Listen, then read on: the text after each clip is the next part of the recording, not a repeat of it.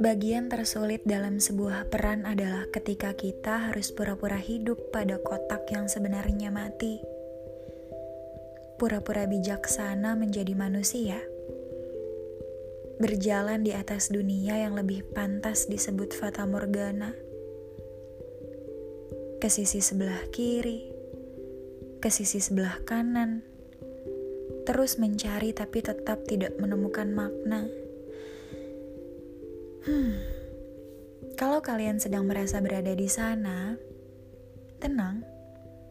Saya juga. Kita berada di satu kotak yang sama sekarang. Saya sendiri pernah coba cari jalan keluar tapi nggak ketemu. Sampai pada akhirnya nyerah dan bilang ke satu dunia bahwa cerita saya selesai rumit ketika dijelaskan bahwa satu-satunya orang yang bikin kotak tempat tinggal saya jadi terang, dia udah pergi sekarang. Saya nggak tahu dia ke mana. Yang jelas perginya meninggalkan luka.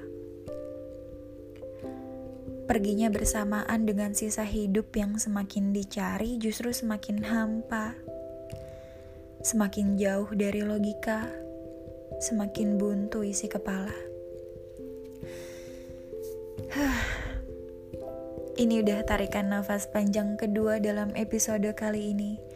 Padahal isi ceritanya baru aja saya mau mulai. Saya pengen banget keluar dari sana. Dari kotak mati yang bikin perasaan saya juga ikut mati.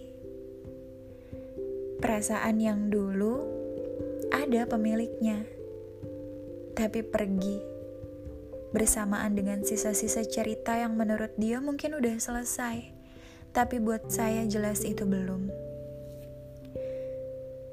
Tapi mau berjuta kali saya bilang cerita ini belum selesai pun gak ada gunanya sih kayaknya. Sebab dia tetap pergi, membiarkan saya sendiri mencari jalan keluar ke sana kemari. Ya, sebenarnya kejadian itu udah agak lama sih udah beberapa puluh atau ratus bahkan mungkin ribu hari. Yang semakin diceritakan justru air mata saya semakin kering. Mungkin sebagai penanda bahwa saya sudah rela dengan akhir cerita kemarin. Tapi rela ternyata bukan persamaan kata sembuh. Rela dan sembuh adalah dua bagian yang gak akan pernah menjadi satu sebab merelakan dia hidup dengan seseorang yang bukan saya, gak merubah perasaan saya yang hancur jadi merasa baik. Saya tetap sakit di balik raga yang mampu berdiri sekarang. Raga yang sudah jauh lebih kuat dari beberapa puluh hari sebelum hari ini. Sebab ada yang lebih mematikan ketimbang kehilangan ada yang lebih menikam dari sebuah kepergian. Mungkin satu atau dua tingkat di atasnya. Yang beberapa orang menyebutnya dengan kata menyembuhkan. Saya setuju sebab saya pikir melepaskan seseorang yang hilang bukan berarti kita udah sembuh. Saya pikir membiarkan dia pergi bukan berarti luka dalam diri juga ikut pergi ada yang belum sembuh, dan rasa yang belum sembuh itu harus diselamatkan. Saya udah terlalu lama hidup pada tiap-tiap hari yang penuh dengan segala caci pada diri sendiri, mengutuk peran yang selalu bertahan pada cerita yang bahkan udah tanpa sisa. Saya seperti pemeran utama yang membenci wataknya sendiri. Beberapa hal ditakdirkan untuk hidup pada logika, dengan beberapa yang lainnya harus dipaksa mati supaya nggak kecium tandusnya.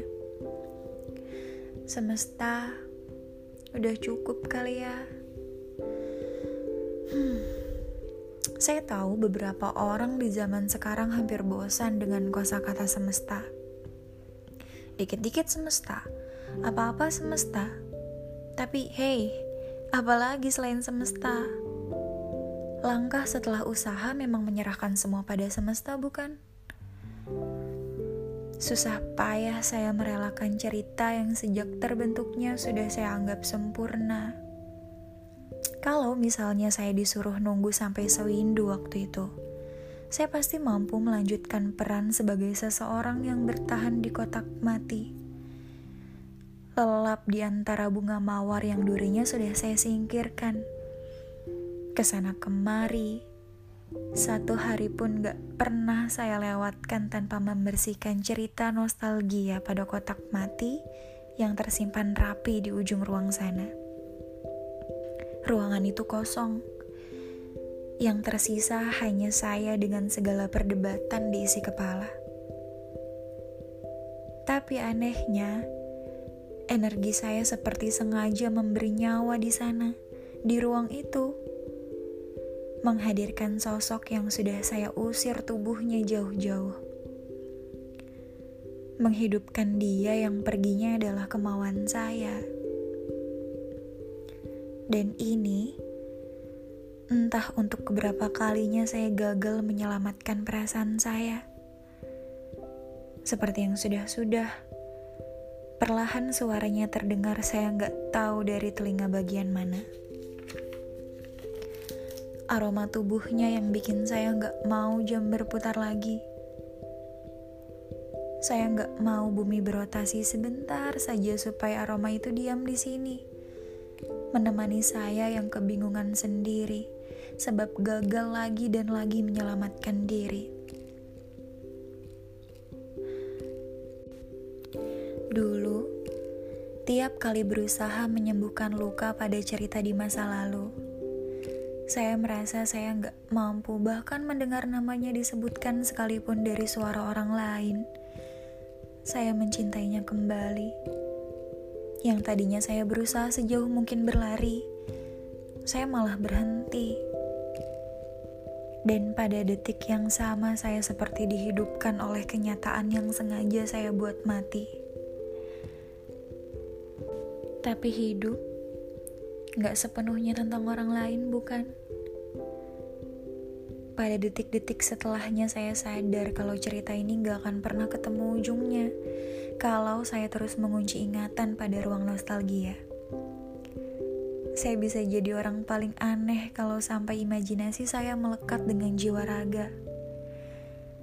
Untung saja sisi waras saya mengetuk pintunya, mengajak saya pergi untuk petualangan baru meninggalkan ruang nostalgia demi misi penyelamatan diri dari kenangannya.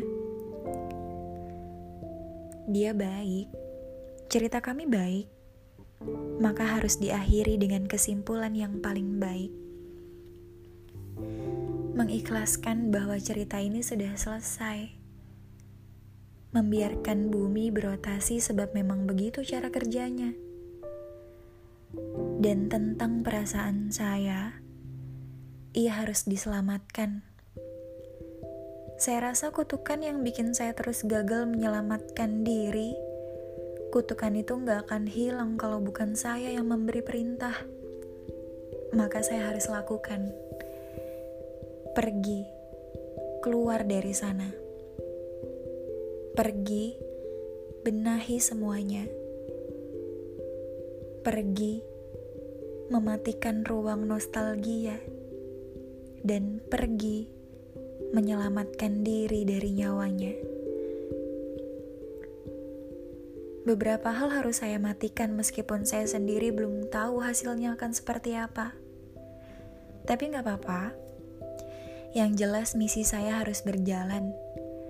Usaha saya harus membuktikan supaya magnet di dalam ruang nostalgia berhenti menarik saya. Akan saya mulai dari mana pun tanpa peduli akhirnya Lalu ketika usaha saya sudah pada bagian akhir, sepenuhnya saya serahkan hasil pada semesta. Memang seperti itu cara kerjanya kan?